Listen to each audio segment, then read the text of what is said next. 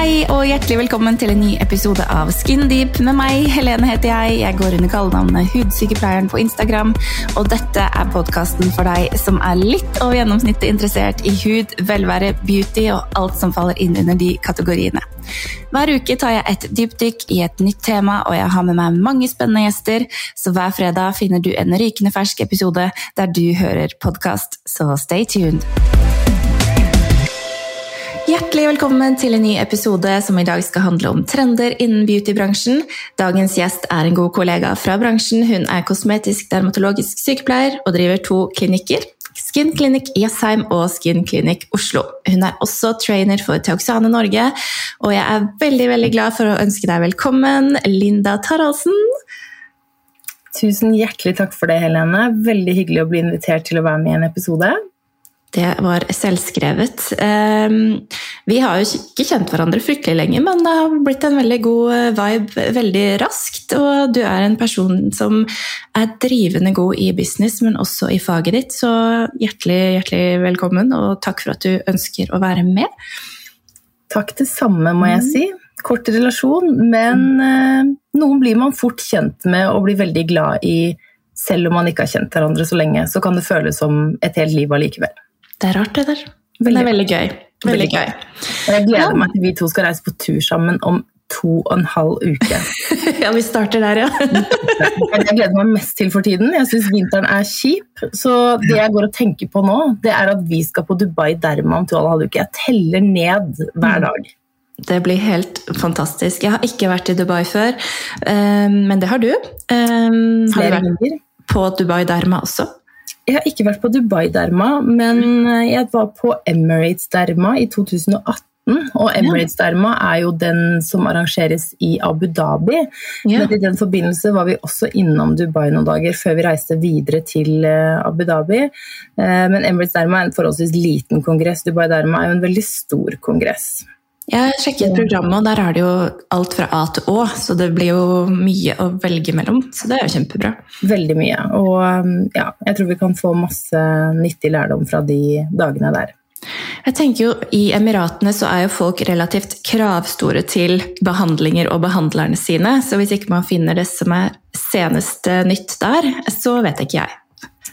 Jeg er ganske sikker på at de har alle de nyeste trendene og tingene der absolutt et godt sted å reise til hvis man vil ha siste nytt. Ja, ikke sant? Og vi skal jo prate litt om trender i dag, men før det så har jeg lyst til å stille deg ti kjappe spørsmål. Det er noe jeg pleier å gjøre, og kanskje det blir elleve i dag, faktisk. Vi får se. Kjør på. på. Du, er du kaffe- eller teperson? Fram til elleve så er jeg en kaffeperson. Etter elleve er jeg en teperson. ok. Men eh, hva med morgen- eller kveldsperson, da? Definitivt kveldsperson, men uh, siden jeg har det livet jeg har, så er jeg jo tvunget inn i et annet Så det som mm. skjer, er at jeg legger meg altfor seint uh, og må stå opp veldig tidlig. Ergo derfor kaffe fram til 11 og te etter det. Nettopp. nettopp. Hva pleier du å spise til lunsj? Har du egentlig tid til det? Eh, nei, ikke, ikke, alltid. Og hvis jeg ikke har tid til det, så har jeg alltid en nødproteinbar liggende i skuffen på jobb som jeg bare trykker ned på fem sekunder mellom to pasienter. Ja. Hvis jeg har tid til lunsj, så er det gjerne fordi en kunde er forsinka, eller fordi noen har avbukket i siste liten, og da pleier jeg å spise noe så kjedelig som to knekkebrød med brunost. Ja, ja. Ikke dumt. Men eh, er du egentlig introvert eller ekstrovert som person? Ekstrovert. Ja. Men um, noe helt annet. Hvis du skulle valgt deg typ en superkraft, hva hadde det vært? Oh, vet du hva? Det syns jeg er et vanskelig spørsmål. Eh, men jeg kunne liksom ønske at jeg kunne eh, ha en type kraft som kunne bare drepe alle onde mennesker. Oi, oi, oi. Off earth. Hvis jeg kunne liksom ta pedofile og konemishandlere og dyremishandlere i samme slengen, så hadde det vært en super kraft å ha. Mm. Bare ved å knipse. Bare ved å knipse, så bare mm. forsvant de, og ja. så ble all verdens ondskap borte. Det hadde vært den ultimate superkraften. Den var faktisk veldig original. Veldig bra. Um, men din favorittbehandling i klinikk, da? Eh, altså jeg liker veldig godt å jobbe med injeksjoner, særlig fillerbehandlinger. For jeg syns det er så gøy å kunne forandre noens eh, komplekser eller bare gjøre de små tingene på folk da, som gjør Mm. at de bare føler seg bedre. Jeg ser at skuldrene kommer på plass og de retter seg opp i ryggen og bare åh, nå føler jeg mer som meg selv. Eh, Og da snakker jeg selvfølgelig om godt voksne damer som har et reelt volumtap, eller faktisk har en aldringsprosess på gang. Men også de litt yngre jentene som kanskje har noen komplekser. Ved å gjøre de små tingene, så føler de seg absolutt bedre. Det liker jeg veldig godt å gjøre. Mm. Og så er jeg glad i å jobbe med Botox, eh, særlig for de som sliter med migrene og spenningshodepine, for de får virkelig et nytt liv etterpå. Mm. Absolutt. Men du, hvis du kunne valgt tre mennesker fra fortid, nåtid eller fremtid, hvem ville du valgt på et middagsselskap? Skal jeg velge tre fra fortid og tre fra nåtid? Nei, du må blande. Og jeg må blande, ja! Ok, Og det kan være folk jeg aldri har møtt før også? Ja. Ok, da tror jeg vil gå for min morfar, som døde da jeg var 17 år, dessverre. Som jeg skulle gjort hva som helst for å møte igjen. Eh, og så har jeg nettopp lest en bok av Lilly Bendris, så jeg tror Lilly Bendris også kunne få vært med på det. Eh, og en annen person jeg bare kjenner jeg liker veldig godt, det er kong Harald. Så hvis jeg bare får velge tre, så kjører jeg Lilly Bendris, kong Harald og morfar. Det blir gøy. Det blitt en hyggelig middag, tror jeg. Ja. Men du, um, siden vi er i hudpleiebransjen, hvilket hudpleieprodukt er det du ikke kan leve uten? Åh, eh, ikke leve uten. Altså, jeg, jeg føler at jeg er ikke slavisk knytta til ett produkt. Ehm, så, så det syns jeg er vanskelig. Men jeg er veldig glad i eh, et serum fra et merke som heter Cosrex, som er et koreansk merke jeg tok inn i fjor, Mm. som heter Snail Musin. Det syns jeg er et veldig godt serum som gir masse fukt og glød. Så hvis jeg skal velge ett, så, så blir det det. Men jeg, har ikke, jeg er ikke slavisk opptatt av et spesielt merke eller et spesielt produkt. Jeg liker masse forskjellig. Mm, så bra. Men em, har du noe favorittduft? Eller noe på topp fem-lista? Eh, min absolutte eh, favorittduft er Louis Vuitton sin Contre Moi. Den lukta jeg for første gang eh, i Abu Dhabi, faktisk. Og så syns jeg det var veldig mye penger å bruke på en parfyme. Men så tok jeg meg selv i at hver gang jeg var i en eller annen storby som hadde Louis Vuitton, så gikk jeg innom og lukta på den en gang til. Ja. Så til slutt, på en liten jentetur i Milano i 2019, så kjøpte jeg den, og siden har jeg bare brukt den parfymen. Så Mm. det var true love. Det var true love. Måtte ha den til slutt. Måtte ha den til slutt. Fått mye, og til slutt så bare ok, da. Ja. Siste. Eh, hvis du måtte skrive en bok i morgen, hva ville du skrevet om da? Åh, Helene, da. Eh, hvis jeg skrev skrevet en bok i morgen Vet du hva, Da hadde jeg skrevet en bok om eh, mm, ah, Jeg vet ikke, altså. Nei. Det syns jeg er veldig, veldig vanskelig. Jeg tror kanskje det måtte vært en bok om å følge drømmene sine. Ja, det er spennende. Mm. Veldig mange har, lager så veldig mange hindre for å nå målene sine. De lager seg ideer om at det går ikke fordi at det. Så det måtte vært en slags eh, bok for å få folk til å tørre å satse litt. Har du selv vært den personen? Nei, aldri. Jeg bare kjører på, jeg. Jeg gjør det. Jeg lar meg ikke stoppe av en dritt. Så nei, det er ikke meg. Så bra. Herlig. Men du, trender. Mm. Hva Altså, jeg føler i 2022 så ser jeg veldig mye kroppsbehandlinger. Um, Enig. Ja. Trender. Om det er rumpefiller, puppefiller eller andre typer injeksjoner eller altså hva som helst. Det er jo um, det er gått over i en litt annen liga nå, føler jeg. Helt enig. Det har gått over til jeg vil kalle det ikke plastisk kirurgi når man begynner å injisere enorme mengder filler i noens rumpe eller pupper. Eh, helt ærlig, jeg syns det er skummelt, og jeg tenker potensiell virkelig infeksjonsfare. Det er skummelt nok det vi holder på med med små doser i ansiktet. Jeg har dessverre sett noen uheldige resultater av både, altså særlig rumpefillere da, som har fått uh, infeksjoner og havna på sykehus og sånne ting. Jeg tror- Ja, ja, så jeg, jeg kjenner at eh, akkurat det med, med kroppsfiller kommer jeg nok ikke til å hive meg på. Jeg har tatt inn en injeksjonsbehandling for kropp som heter Sunekos Body, som skal kunne stramme opp. Men helt ærlig så tror jeg ikke at det finnes en magisk injeksjonsbehandling som greier å permanent stramme opp hud og kropp. Det tror jeg ikke. Nei. Altså huden på kroppen. Da. Det vil i så fall bli veldig dyrt. Sånn, Det er det jeg ser for meg.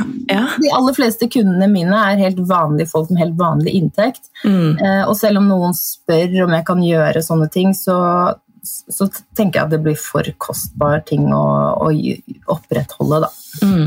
Det er ikke så veldig mange som har kasta seg på den trenden i Norge ennå. Jeg ser det er noen. Um, men uh, jeg leste litt om det, og jeg tenker også sånn at å injisere filler i brystvev er jo Det er ikke fryktelig mye som fett før du kommer ned til kjertelvev. Det, du kan jo ødelegge noen sin evne til å amme, f.eks. Sånne type funksjonelle ting. Det er kjempeskummelt. Det er kjempeskummelt. Det eneste jeg gjør på bryst, er jo eventuelle eh, hudfiller da, i forhold Mm. til Redensity 1 fra Theosial eller eh, Juvederm Volite. Eh, eventuelt så kan man legge litt mesoterapi eller Profilo, men å injisere ned i vev for å gi volum, det har jeg aldri gjort, og det er jeg 100 sikker på at jeg aldri kommer til å gjøre heller. Det tenker jeg er en jobb for plastiske kirurger. Ja, enig. Og jeg kan ikke stå og selge inn behandlinger til titusenvis av kroner for å stramme opp hud på kroppen. Det, det gjør jeg bare ikke. Det føles ikke greit. Derfor jeg sjekka Jeg har sjekka priser. Jeg sjekket også, priser jeg også har det, bare sånn for å sjekke. Ja, det ligger sånn 40 000-50 000 Ja, for ja. eh, f.eks. rumpefiller. Da. tenker jeg. Ja. Det er ikke så ulikt hvis du skulle gjort noe kirurgisk, sånn egentlig. Og, Jeg hadde nok lagt i noen 10 000 til og fått gjort det med eget fett da. Altså. Hadde det. Det går an, det. Og um, nei, altså risikoen, da, dere. Det er jo noe med det. Og um, hvem er det Ja, som altså jeg, jeg ser mye shady på Instagram av eh, diverse folk jeg mistenker kanskje ikke er utdanna sykepleiere, eller leger for den saks skyld. Altså, jeg tror det er en del eh, ja, Det er fælt å si det, men jeg kan, noen ganger så ser man jo at dette er, dette er ikke greit, og her er det kjøpt eh, fillers på eBay eller Alibaba og injisert over en lav sko. For noen tilbyr jo Jeg ser jo 100-200 milliliter filler for veldig lite penger, og da, da er det ikke ja, da er det ikke ordentlige produkter, altså. Sorry. Nei, det er ikke det. Nei. Det um, nei, veldig, veldig shady. Nei, Vær litt obs, dere. Igjen, jeg vil bare minne dere som lytter på at det er ikke en regulert bransje, det her. Eh, Hvem som helst kan kjøpe og sette filler. Så still kritiske spørsmål. Eh, Hva er det beste spørsmålet man kan stille, Linda? Eller noen av de? Altså, jeg hører jo kunder som har vært hos folk og spurt er du sykepleier eller er du lege, og så har vedkommende sagt ja, jeg er sykepleier, men litt nærmere undersøkelse så viser det seg at det ikke er det. Ok. Eh, Men det jeg tenker er veldig viktig, er å spørre hva slags produkt bruker du, og be gjerne om å få se esken også, hvis du kjenner at dette ikke er greit. Eh, Og så må du spørre om de har hyalase tilgjengelig. Hyalase er jo en medisin faktisk, som kan løse opp filler, og som brukes ved blokader, eller man kan bruke det for å fjerne uønsket filler også. Men det er det absolutt viktigste å ha i nødskrinet sitt. Og hvis en behandler ikke har eh, jeg vil si minimum ti esker hyalase i kjøleskapet, så bør du ikke ta filler hos den personen. Og hvis de sier at jeg kjenner noen som kan hjelpe meg med det, eller jeg har en lege som kan komme, det spiller ingen rolle. For er det en nødsituasjon, så må den hyalasen settes så raskt som overhodet Mm. mulig. Og hvis du får en dårlig magefølelse på noen, så er det ikke verre enn å si at vet du hva, jeg tror jeg vil tenke litt på det. Jeg tror ikke jeg har lyst til å ta behandling akkurat nå. Det er Mm. helt fair å si. Eh, Det passer jeg alltid på å si til nye kunder hos meg også, at når de har booket en time, så, så legger jeg det egentlig inn som en konsultasjon, og så sier jeg at dette kan vi godt gjøre nå, men hvis du er litt usikker, så vil jeg heller at du tenker litt på det, og så booker vi en ny tid. Man skal aldri føle et press om at man skal gjøre injeksjoner eller andre behandlinger, Eh, og hvis du havner hos en behandler som pusher veldig på, så vil jeg anbefale å finne en annen klinikk. Du skal aldri sitte og føle at du blir oversolgt med, med behandlinger. Nei, nei. Og hvis du da får en trussel om at nei, men da må du betale for timen, eller du må altså At det blir pengepress, så er det bare å Da hadde jeg heller betalt de 200-500 kronene det koster for en Ja. konsultasjon og sagt takk for meg. Ikke sant? Nok et eh, rødt flagg der. Det er et rødt flagg. Et annet rødt flagg er kanskje hvis det ikke finnes et eneste diplom på veggen, du har aldri hørt om denne personen. Hvis prisene er altfor lave, hvis du tenker at dette er for godt til å være sant, så er det også et rødt flagg. Klinikker har selvfølgelig forskjellige priser, men hvis det er helt hinsides billig, mm. da, da bør du revurdere. Da bør du i hvert fall sjekke hva slags produkt det er du faktisk får injisert. Dessverre finnes det jo svartebørsprodukter, og jeg har sjekka der du får kjøpt også de store merkene på IBM. Om det er ekte eller fake produkter, det kan jeg jo ikke si noe om, men um, gjør litt research. Har du dårlig magefølelse, så, så dropper du det.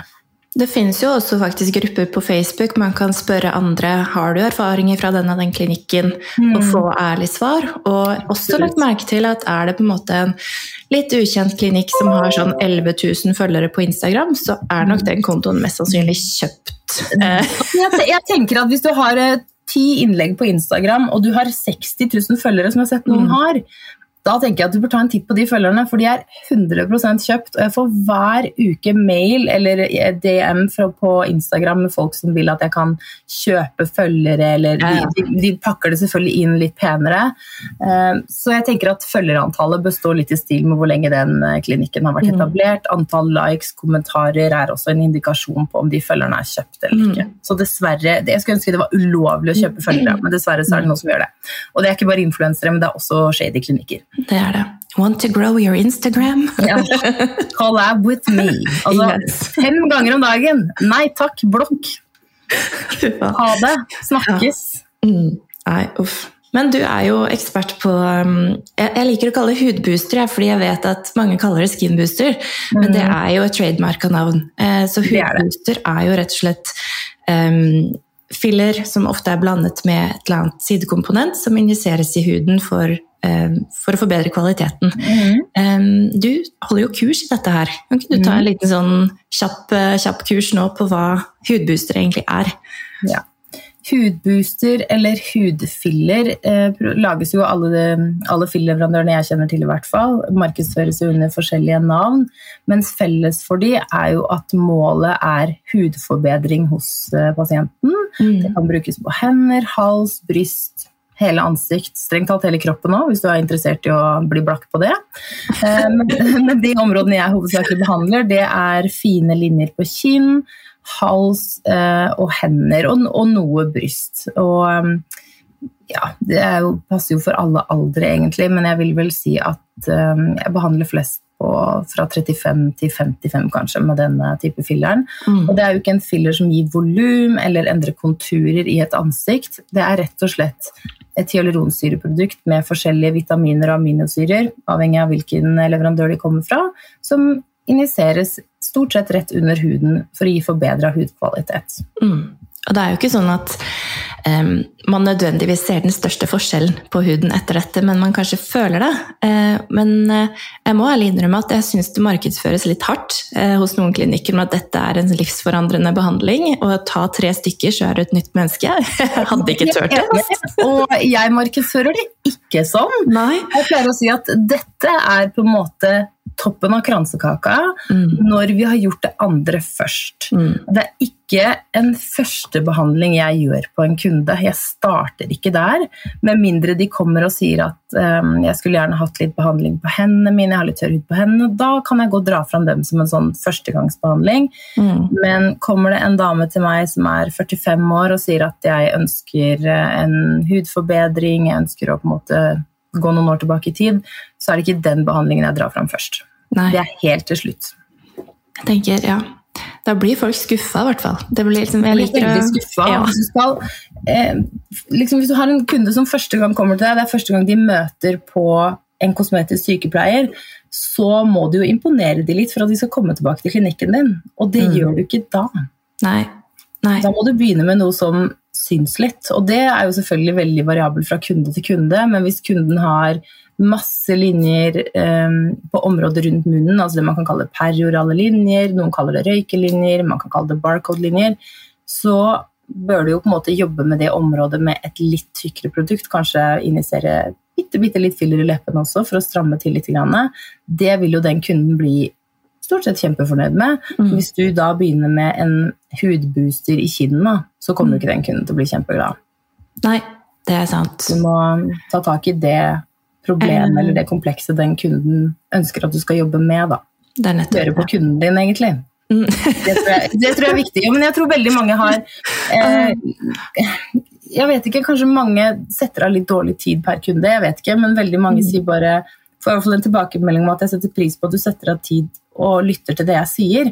Og jeg mm. veileder selvfølgelig og sier at hvis jeg er uenig, så sier jeg at jeg er uenig. Men det er viktig å lytte til kunden ha respekt for det kunden ønsker å jobbe med, og ikke presse på de alt mulig annet. Nei, helt riktig. Og det ordet forebyggende er jeg veldig glad i. veldig glad i. Forebyggende behandling. Forebyggende. Ja, og det er det jo virkelig. Absolutt. Så altså det er jo, veldig, det er jo kanskje fem-seks store filler brands som har produkter jeg kan gå god for, holdt jeg på å si. Mm. Og um, det er jo kanskje greit at folk vet om hva er, da. Sånn som du jobber jo med, med Teoxane, og da er det Teosial sin Redensity 1, som du har nevnt. Mm.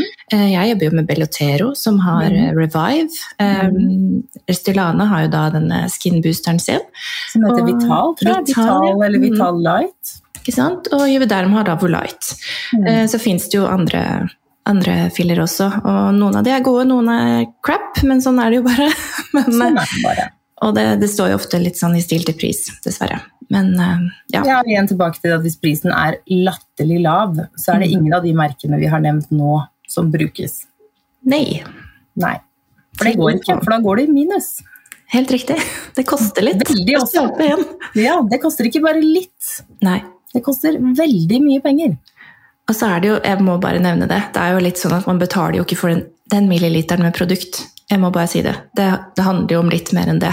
Det handler ja. om kunnskapen bak, det handler om tidsbruk, det handler om resultatet du får. Altså Hvem som helst kan poke noen i ansiktet med en nål, men man kommer ikke i mål mm. alltid. Nei, altså det er jo Det ser jo kanskje lett ut for de som observerer når vi injiserer, men det ligger ganske mye bak de valgene vi gjør når vi injiserer og hvor vi injiserer. Og uansett hvor flinke vi er, så kan jo vi også være uheldige mm. og gjøre en feil. Og da er det jo viktig at man har god kompetanse på å håndtere feilene også. Mm. Der eh, kan det jo fort skille de gode og de mindre gode. Ikke sant. Men litt over til noe annet. Jeg vet jo at du, du tar jo fremdeles vakter på sykehuset mm. ved siden av denne jobben. Mm. Uh, ikke ofte, da. Skal ikke skryte på meg. Nei, nei, men du har jo fortalt meg hvor, hvorfor, og det syns jeg var veldig uh, fint å høre. Kan ikke du fortelle litt om, om det? Hvor, hvor, jobber du ekstra? Før jeg begynte i den bransjen her, så jobba jeg jo på Ahus i mange år, fra 2008. Og har alltid trivdes veldig godt med å være sykepleier. Uh, uansett hva man har lest i media, uansett hvor mange utfordringer det faktisk er i jobbe i helsevesenet, så syns jeg det er utrolig givende og hyggelig. Uh, og når koronaen uh, slo til i 2020 og klinikken ble stengt, så tok det vel bare et par dager før jeg tenkte at vet du hva, her må jeg jo bare komme meg tilbake på sykehuset og jobbe litt, for jeg kan jo ikke bare gå hjemme. Jeg er jo ikke den uh, hjemmetypen. så da hoppa jeg tilbake på Da skulle jeg egentlig tilbake til gastrokirurgen, hvor jeg opprinnelig hørte til, men ikke har jobbet siden 2015 eller 2016. Uh, men de trengte jo ikke folk. De som trengte folk, var jo covid-posten. Uh, og da kjente jeg meg litt svett, men så tenkte jeg jeg er jo ikke den redde personen, så vi kjører på. Det går sikkert fint. Litt sånn klam eh, før første vakt der, men eh, fant ut at ingen av de andre kunne om korona heller, så det, det løste seg. Virka ikke helt idiot i forhold til de andre. For de var for så vidt 20 år alle sammen, så for første gang i mitt liv så var jeg hun gamle sykepleieren på jobb. Så det var jo en ny mm. erfaring. Nice. Eh, men etter at vi fikk åpne igjen, så tenkte jeg at jeg kan jo ta en vakt innimellom bare for å beholde tilgangene mine. Eh, og jeg må si at jeg syns det er veldig hyggelig, og da er jeg tilbake på der vi har hørt til fra før, da, som er mage-tarmkirurgi eller gastrokirurgi. og der er det veldig hyggelig å jobbe. Det er helt kaos til tider, men det er veldig hyggelig. Mm. Så det er fint. Og så får jeg en liten påminnelse om hvor heldig jeg er som faktisk eh, kan få lov å gjøre det jeg gjør, på heltid. Mm. Um, men det er innimellom hyggelig å ta en liten gjesteopptreden, som jeg sier. Så når jeg kommer på en vakt da, så sier de f.eks.: åh, det er de og de pasientene, og det er ganske tungt. Men da tar jeg de gjerne, fordi det er bare for en vakt innimellom. Ja. Så da er det bare hyggelig. Så bra. Ja. Det sier litt om en person, tenker jeg. Så det er veldig fint. Det er gøy, og det er humor å jobbe på sykehus. Det er utrolig mange morsomme episoder som skjer, har skjedd i løpet av de årene som jeg har jobba på sykehus, som jeg kan skratte av den dag i dag. Eh, men nå har jeg ganske mørk galgenhumor også, det må du ha hvis du jobber i helsevesenet. Egentlig hvis du jobber i den kosmetiske bransjen også. Ja. ja. det er litt tragedier her også. Det er ikke bare glamorøst. Altså, selv om det ser veldig eh, veldig fancy på Instagram. Det er veldig mange kunder som bare åh, jeg har lyst til å jobbe med det du gjør, for det ser så utrolig glamorøst ut, og du kan gjøre hva du vil. Jeg er sånn, Nja, kan ikke helt det. For jeg sitter inne på det kontoret mitt hver eneste dag i veldig mange timer og møter utrolig mange forskjellige folk. Stort sett er det gøy, noen ganger litt tungt også. Det er jo det. Man er jo litt sånn eh, Ikke bare litt, man er jo hobbypsykolog. Og, men det syns jeg egentlig er en veldig fin greie med jobben. At man kan ta imot og høre på folk og kanskje hjelpe de over en kneik. Jeg har ikke bare lyst til å Eh, altså jeg er jo ikke en maskin, jeg har ikke lyst til at kundene skal bare legge seg ned på benken og så pang, pang, inn med Botox og filler og ha det bra. Eh, jeg føler 100% ærlig at jeg er både parterapeut, psykolog, eh, coach. Jeg er sikker på at jeg står bak masse skilsmisser. fordi når jeg har hørt for fjerde år på rad hvor rasshøl mannen deres er, f.eks., så pleier jeg å si sånn etter hvert Du skal ikke bare skille deg, da. Eh, og neste gang jeg ser det da, så hender det at det har faktisk skjedd at jeg bare, jeg bare gjorde det. Good for you. Ja. Så ja. Litt råd og veiledning innimellom. Også få folk til å si opp jobben sin for å forfølge drømmene sine. Det har også gått bra. Mm. Hvis jeg har tro på de da, vil jeg merke. Jo, jo. Du er jo ærlig på sånne ting, så det er jo ja. veldig bra. Det er velmente, seriøse råd. Ja, det er bra. Gitt med kjærlighet. Ja, alt er, godt ment, sier jeg hvis jeg står og nidler folk til blods. Ja, ja, det sier jeg også. Men du, hvilke type behandlinger gjør du mest av på klinikken? Jeg regner jo med at jeg vet svaret på det, men merker du liksom noe til at det svinger i hva folk ønsker seg, eller er du liksom sånn som ja, forteller folk hva de skal ha, egentlig? Mm, Nei, altså det jeg liker, som jeg kanskje merker, har merket mer de siste årene, er at folk har blitt mer opptatt av hudkvaliteten sin mm. og den helhetlige behandlingen. Før så føler jeg det var veldig sånn jeg skal bare ha lepper, jeg skal bare ha kinnbein, jeg skal bare ha Botox. Men folk er litt mer helhetlig opptatt av å ta vare på seg selv. Så jeg føler at folk har litt mer um, naturlige ønsker i forhold til hvilke behandlinger de vil ha, og at de er mer interessert i å kanskje få råd om hud. Eh, det gikk de kanskje til noen parfymerikjeder og fikk før, mens nå er det mange som forstår at vi også har mye kompetanse om hud og hvilke produkter de bør velge. Mm. For Går man inn på en av de store kjedene, så kan man jo fort bli anbefalt en krem kun basert på at det er den kremen de har kampanje på eller får bonus for å selge. Men det er kanskje ikke den kremen den kunden trenger. Nei. Mens um, her føler de kanskje at de får råd basert på hva de faktisk skal ha. Mm. Og så er jo nordmenn egentlig veldig dårlige på å eh, gå tilbake og klage hvis man på en måte er misfornøyd, og spesielt hvis man har kjøpt det i et parfymeri eller på et apotek. Da tenker man at mm. nei, det, det kjøpet er kjøpt, sånn er det, ferdig med det. Sånn er det, ferdig med det. Ja. Ja. Um, så jeg liker jo også det, å kunne følge opp folk litt. Og, Absolutt, ja. og jeg noterer meg selvfølgelig hva hver enkelt kunde kjøper, for å ha en mm. oversikt over uh, hva slags produkter de har brukt. Og hvis noen kunder sier til meg at du, den kremen her reagerte jeg veldig på, så tar jeg den tilbake og gir dem en ny en som en god, god kundeservice. Og mm. det setter jo folk veldig pris på. Ikke sant. Ja, men det er kjempebra. Jeg har lagt merke til at du har et litt annet produktutvalg enn eh, mange andre. Du har en del koreansk. Mm. Um, og um, jeg tenkte vi skulle snakke litt om dette her med liksom hudbarriere og mikrobiom. Og, mm. Som jeg vet vi begge er opptatt av. Uh, og jeg regner med på en måte at valget av disse produktene har litt med det å gjøre. Absolutt. Um, jeg føler jo at trenden har gått litt vekk fra syrer Mm. Altså, vi bruker fortsatt syrer, men um, da jeg begynte, følte jeg at det var syrer som gjaldt for alt. Eh, mm. ikke så mye fokus på hudbarriere. Nå føler jeg at folk er mer opptatt av at de vil ha fukt, og de vil ha eh, pleiende ingredienser. De har ikke lyst til å gå rundt med en inntørka, stiv hud som ikke Nei. tåler en halv solstråle før den krakelerer. eh, så jeg føler folk er opptatt av at de vil ha ting som fungerer, men de vil også ha litt velvære, og de vil føle at de har en sunn og frisk hud som tåler livet. Eh, ja. Og dessverre så er det noen som før har overbehandlet huden sin så mye at de har rett og slett ingen hudbarriere igjen. Nei. Det er dessverre um, litt glassmaneter ute og går. Mm, det er det.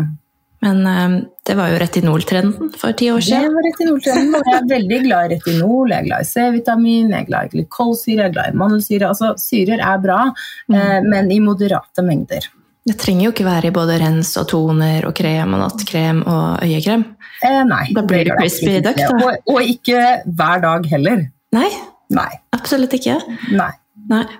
Jeg har nylig tatt til en ny serie som har veldig fokus på hudens bakterieflora, altså mikrobiome. Det mm. er veldig spennende. det føler jeg at det er en litt sånn trending greie nå, at eh, hvorfor ikke ta en titt på at huden er i en balanse med både gode og dårlige bakterier? Hvorfor ikke styrke floraen som tar kverken på de dårlige? Det er jo eh, noe med det. Det er veldig spennende. Jeg har faktisk akkurat begynt å teste en ny serie som heter S. Mm. Eh, som egentlig er en konkurrent til den serien du har tatt inn. Nå husker jeg ikke helt hva den du har tatt inn Det er Rebiome. Rebiome, ja. Mm. Eh, og, og de jobber nok, så vidt jeg har klart å lese meg til, med mye av de samme tingene. Absolutt. Mm, så det er spennende. Og den serien kommer jeg nok til å ta inn i klinikken, som da min serie som fokuserer på, på Ja. mikrobiom i huden. Jeg tror begge to har den, en sånn behandling hvor de på, vi kan legge på levende eh, bakterier på huden. Mm, når man går på den. Ja, så kult! Med et hjemmeprogram i etterkant for å virkelig bare reboote hele systemet. Hele systemet. Jeg har prøvd den, og vet ikke om jeg forventa noe flass eller irritasjon, men huden føltes veldig myk og god og glowy i uka som kom, i hvert fall. Ja. Fikk i hvert fall ingen negative reaksjoner på den behandlingen. Nei, og det er bra. Jeg har veldig sånn aknepron hud, holdt jeg på å si. Reagerer på alt. Hvis det er å reagere på, så får jeg kviser av det. Hei, hei. Det får jeg også. Men jeg, ikke dette. Jeg får utslett. Så jeg, jeg prøvde meg en gang på den veldig kjente serien ZO, og selv om jeg da valgte de mildeste produktene, Ja. eh, så så det ut som jeg hadde fått elveblest i ansiktet. Ja, så da la jeg fra meg det og hoppa tilbake på det jeg kjenner. Så huden min eh, er veldig tydelig på at hvis jeg putter på noe den ikke liker, så blir den veldig sinna. Mm. Veldig sinna. Hissig hud. Ja, ja, den blir kjempesinna. Eh, som jeg pleier å si til kunder, hvis ikke jeg reagerte på det, så gjør sikkert ikke du heller. Nei, ikke sant. Men det er greit å ha sånn der... Men jeg lover aldri. Jeg prøver, jeg prøver å teste ut det aller meste jeg tar inn på meg selv, mm. eh, rett og slett for å se om jeg får en reaksjon på det. Ja. Det er eh, nok lurt, tror jeg. Det er lurt. Det er absolutt lurt. Men man, man rekker jo ikke å prøve absolutt alt man har. Noe skjønner man jo at ikke er for seg. Ja. Men samtidig jeg liker å teste, og de som jobber her også prøver litt forskjellig da, for å finne ut av Alle har jo forskjellige hudtyper. Og jeg tror når man har en sånn reaktiv hud, da, som vi begge har, så merker man kan mye enklere se for seg hvordan på en en tørr hud vil reagere, hvordan en fet hud, hvordan en sensitiv hud, fordi man selv har en sånn ja, fintfølende evne, da. Så det er Det gøy. absolutt. Men eh, hva, hva mener du er en av de liksom, største tingene folk flest kan misforstå om oss som jobber i denne bransjen, og bransjen vår generelt? Mm, jeg tror vel kanskje noen tror at vi er noen overfladiske rasshøl. Eh, jo, men altså helt alvorlig, som kun bryr oss om eh, shopping og champagne. Hvis vi ser på det sånn helt utenifra, så kan jeg til en viss grad forstå at de får det inntrykket også. Og at vi ikke gidder å være sykepleiere, eller at vi ikke bryr oss om folk, at vi kun tenker på skjønnhet og, og den, at vi bare har de interessene, og det mener jeg er i 90% av tilfellene feil. Mm. Det tror jeg òg. Vi er jo helsepersonell. Jeg tror altså Man har De gått aller den veien er fleste sykepleiere Ja. for en annen grunn enn å bli kosmetiske sykepleiere. At man ramla inn på den veien. Selvfølgelig Noen hadde det som plan, det, hadde, det var ikke min plan, det var helt tilfeldig. Mm. Selv om jeg alltid har vært interessert i? Nei, når jeg satt i permisjon med første barnet mitt, så kjente jeg litt på den følelsen av å skulle gå tilbake i en 100% turnus som sykepleier, med nattevakt og helligdager og ja, det er rett og slett en utfordring å få til å gå opp. Eh, Så jeg kjente at 100% tilbake med et barn som da skulle rekke barnehage, og sånn, det kjente jeg at jeg ikke var så veldig interessert i. Eh, ikke at jeg egentlig tenkte at det var noe alternativ da, men jeg tenkte kanskje jeg skulle jobbe 70 da, bare for å få litt mindre, litt mindre jobb en periode. Så dukket det opp en reklame på Facebook hvor det sto 'bli kosmetisk sykepleier'. Eh, sånn modulbasert, så jeg tenkte, leste litt på det, gikk på et infomøte. Da var datteren min bare tre måneder. Oi. Eh, og så sier mannen min at men hvis du vil det, Linda, så kjører du på det. Bare se hva som skjer. Bare gjør det. Så han stakkar måtte jo kjøre med dette, denne lille babyen min på skolen, så jeg fikk ammet i timene. Det var jo forferdelig slitsomt, hele greia. Men uh, man kom seg igjennom. Mm. Uh, og når da denne videreutdanningen, hvis man kan kalle det det, var over, hadde du ikke igjen med kjempemye kompetanse, men det var kanskje et liten, liten basis.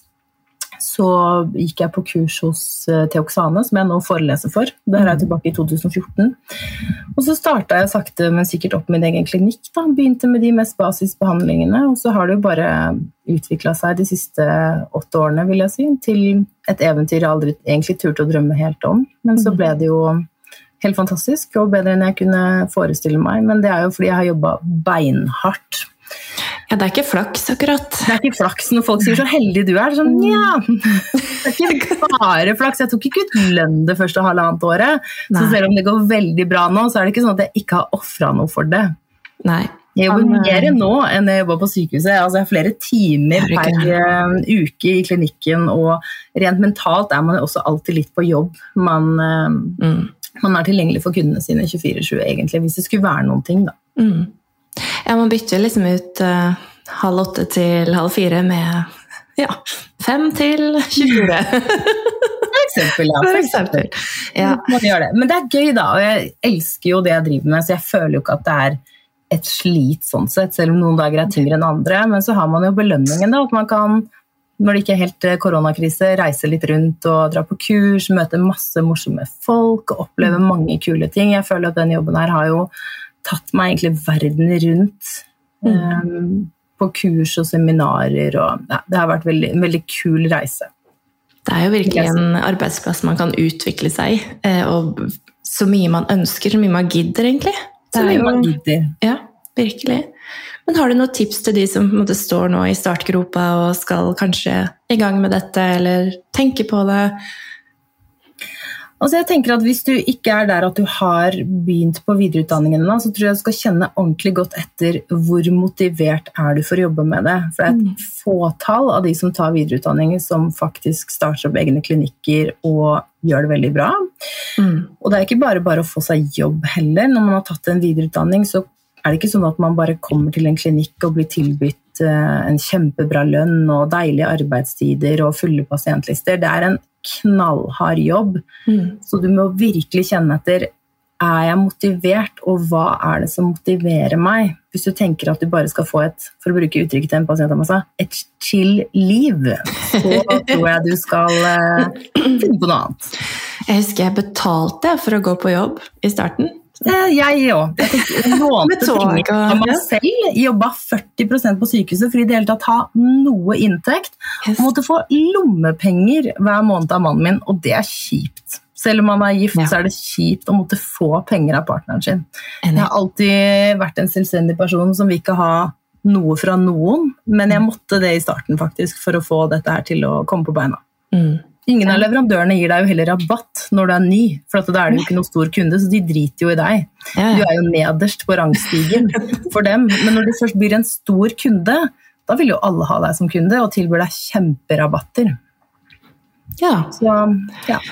Det er liksom de som trenger det minst, som får mest. Sånn er det jo i hele samfunnet. Sånn er det, sånn er det jo i hele samfunnet. og det men jeg husker i starten jeg satt og bestilte fem esker Botox og håpet at jeg hadde nok kunder som kunne på en måte dekke den kostnaden. Og regna hvor mange filleresker jeg hadde råd til å kjøpe og sånne ting. Og det er jo men man, mm. sånn er det bare. Alle må igjennom den eh, fasen her. Det er ingen som starter en klinikk og tjener eh, ti millioner samme år. Det går ikke. Nei, nei. Det... Men noen tror det, og de ja. går konk. Hm. Det, det, gjør de. Det, ja.